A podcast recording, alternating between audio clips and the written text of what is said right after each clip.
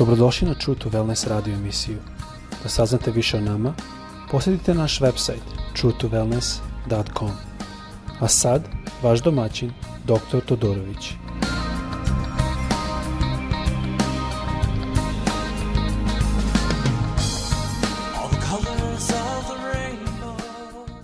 Ljubaznim pozdravom sve, e, dobrodošli u naš podcast. Ovo je sada drugi dao gdje gledamo na Petra, gledamo ko je Petar i zašto je gospod koristio Petra toko. I u prošlom delu smo malo gledali u Mateju 14. glavi, ista glava da ćemo sad nastaviti, čitali smo 26. do 31. stih. Ovo je situacija bila da je Isus hodao na vodi, zato što su celu noć njegovi učenici pokušali dođu do obale, ali vetar koji bi duvao po, a, eh, protivnom pravcu a nije to dozvolio, Malo smo spomenuli kako je Galilejsko jezero, ja sam baš imao prilike da vidim to. to je prilično duboko jezero zato što je na tetonskoj a, ploči, na fault između dve ploče. To je ista folta koja ide dole do Mrtvog mora, koja je, kao što znate, najdublji point na zemlji. I moram da priznam, kad sam bio tamo, bilo je zanimljivo. Baš smo otišli da plivamo na, na Mrtvom moru, i e, bilo je zanimljivo što ne možete da potonete, mislim, kad legnete, kada ste legli na krevet, ali e, samo zato što sedite toko prilično visoko u vodi, jer voda je nešto kao 30%, 33% mislim da je so, tako da baš osetite, ako imate ikakvu, a, e, e, mesto da ste se sasakli ili da ste malo a, izbocnuli se nešto tako, a to ćete svakako znati Ja sam svakako znao svaku a, e, sačotinu što sam imao na koži, to se zna.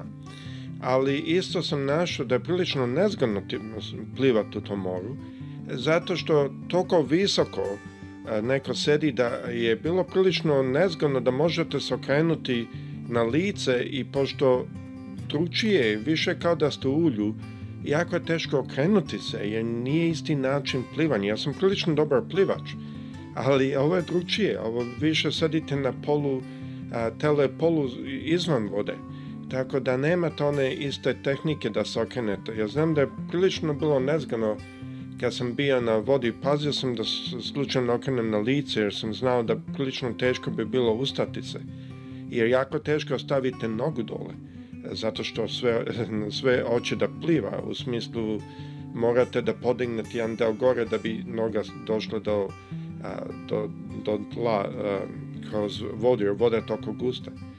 Tako da je to prilično nezgodna erija, pustinja je, tako da imate jednu ideju. Galilejsko more je prilično dručije, ono je prilično, ima vegetaciju oko sebe, više ono kao sutropsko, kao što bi našli na našem Jadranskom moru, tako da je to malo razlike. Znači, studenti su bili se borili sa vetrom, Isus je došao do njih i onda je Petar nešto rekao. Kada su oni videli Isusa, i on im rekao da ne bojte se, ja sam, ja sam ne plašite se. 28. stihu Matej 14. glave ovako kaže Petar. A Petar odgovarajući reče, gospodine, ako si ti, reci mi da dođem tebi po vodi. E kao što sam prošli put rekao, Ovde je na grčkom Petar je originalno rekao naredi mi ili izdaj naređenje da ja dođem po vodi. Literalno je izdaj naređenje, a prevod reči što on koristio. E a sada, zašto je ovo bitno da je Petar rekao iz, iz, izredi ili daj naređenje da ja dođem? Zato što prvo to je nešto što je super prirodno. A, nije normalno da mi kao ljudi hodamo po vodi. I Petar je to shvatio ali isto tako oni su do pre sekundu mislili da je ovo duh njega što dolazi. A shvatili su da je to on, da je to njihov gospod što hoda po vodi. Onda su isto shvatili da je on sin Boži, ako nisu znali tada svakako su sada videli, i da on ima kontrolu, da je on upravi, da anđeli ga podržavaju. To se znalo u jevrejskoj a, verovanju za Mesiju da će ga podržavati a, a, anđeli, to, to je već bilo poznato. Tako da je ovo bilo čudno kad je Petar rekao naredi mi da dođem. Tu je on prihvaćao ko je Hrist. I što vidimo je da je on počeo da hoda na vodi. Ja sada ne znam, mnogi ljudi umeju da kažu, a taj Petar, on stalno u neke probleme ulazi, brža, e, brža usta nego pamet ili nešto tako. Znam da sam čuo nešto slično. Ali šta je ovo značilo kad je Petra počela da hoda na vodi? Ovo je značilo da je njegova mogućnost da hoda na vodi je bila kondicionalna u njegovom verovanju da Isus je Bog. To je jako bilo bitno. Zato je bitno da shvatimo kad je Petar rekao Isusu naredi mi da dođem. To nije slučajno što on tako rekao. To je jedno priznanje da je Isus Bog. I morate znati u to doba oni kad su verovali za Mesaju, to jest za Hrista da dođe, oni su očekivali Vojvodu, Sina Božeg, ali i Vojvodu. E, više neko na stepenu ispod Boga, ne neko koji je Bog e, sam u sebi. A Isus, kao što mi znamo, je jedno od trojca, Otac, Sin i Duh Sveti. Tako da moramo to shvatiti da je tu jedna jednakost koja je bila bitna da njegovi učenici shvate. Druga stvar što vidimo ovde je kad je Petar skinuo oči sa Hrista. Znači, ovde kaže, no vidavši e, vetar veliki uplaši se. To je o Petru. I počeši se topiti povika govoreći, Gospode, pomagaj, ovaj 30. stih. Znači, kada mi isto hodamo danas, kroz naš dan, i mi držimo naše oči na Hrista, isto stvar će se dešavati. Mi ćemo hodati po vodi. Da li neki put se osjetite da hodate po vodi? Ja sam sinoć imao situaciju da me neko, jedan profesor, ono, baš nabedio da sam nešto nepravilno radio, ja nemam pojma šta je on, e, to se videlo da u stvari on pogrešio tu. Ali, to je kako mi reagujemo na to. Da li mi hodamo na vodi? Kada imate nešto na poslu, kao to u mom slučaju, na koji način trebate reagovati? Morate hodati na vodi. Mi to na engleskom samo bolnost. Imate jednu odlučnost, jednu jačinu, jedno poverenje da može da hoda po vodi. Neki put to znači nasmešiti se kad neko u pogrešnom ponašanju, a neki put to znači ustati i reći ne, nisto u Nije uvek e, hrišanski put da se samo povučemo i da kažemo ok, ok. Nije to uvek. Neki put mi moramo hodati po vodi. Neki put mi moramo se ustati i izaći iz čamca gde svi drugi stoje i biti drugačiji zato što naše oči su na Hristu. Ali, kad naše oči padnu sa Hrista, tu sad počinje biti problem. I to je jedna velika stvar. Mnogi ljudi, kao što sam rekao, suđuju Petra. Pa šta on mora da hoda po vodi? Razmislite u ovom smislu.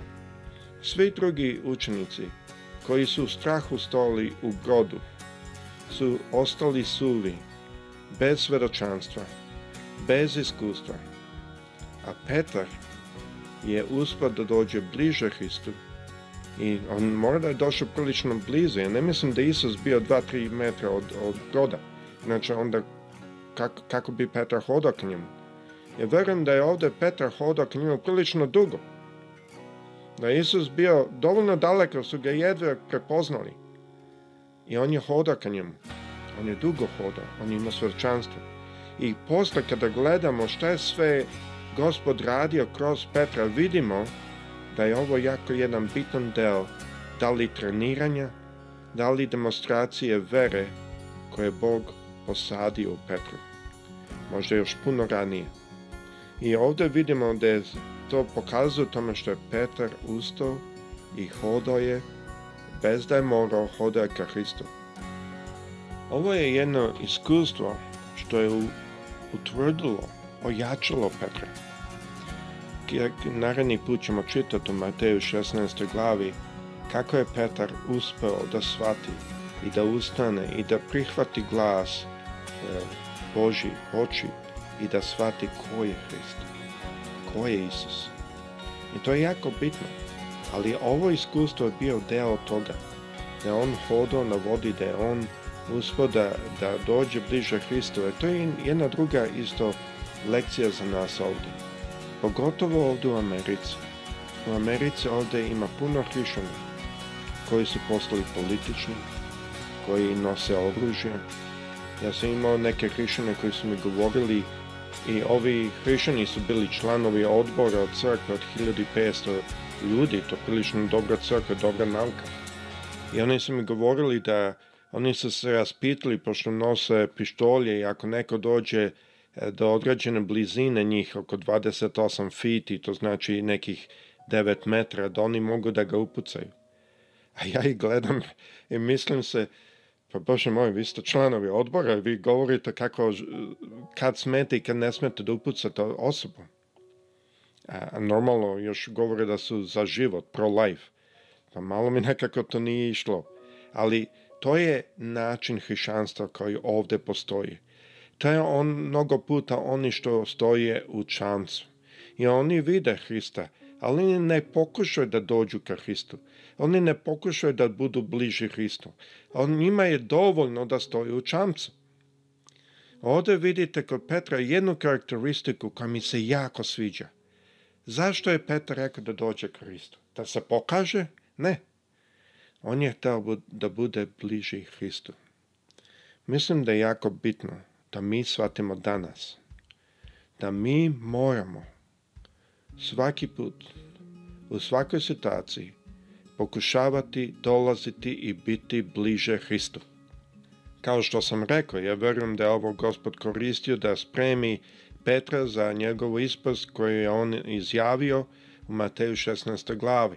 Ali Isto tako, i to ćemo naravni put govoriti, isto tako ovo je jedna poruka za nas. A to je, kad vidimo Hrista, žudimo da budemo bliži njemu. Ne da stojimo u crkvenim, udobnim po pozicijama. Ne da stojimo u crkvenoj nauci zato što je udobna. Gledajmo u reči Božoj kako mi možemo doći bliže Hristu. Petar od svih učenika je jedini koji hoda na vodi. Iako je on počeo da gubi veru, budimo ovde malo ponizni, nemojmo ga osuđivati. Mi nismo ni po vodi hodali, a kamoli da smo gubili veru. Vrlo lako da bi mi još ranije izgubili. Ja verujem da on prilično dugo hodao, ja verujem da je ovde Hrist bio prilično daleko. A kad je on počeo da tone, on je bio blizu Hrista već. Dovoljno da je Hrist mogao da ga uzme za ruku. Tako da mi vidimo da je on uspeo raditi nešto i to nešto ga je naučilo ko zaista je Hrist, da je on Bog. I tako isto mi možemo njega naučiti jednu lekciju. Ako nismo sigurni, pokušamo hodati ka Hristu. Pa ako počnemo toni, on će nas izvući. On će nas podići. Dokle god naša namera je ispravna, dokle god mi želimo biti blizu Hrista, on će nas pomoći. Ja vas želim pozdraviti, naredni put ću govoriti o Petru i njegovoj ispovesti i onda ćemo nastaviti dalje. Kao što sa svima vama.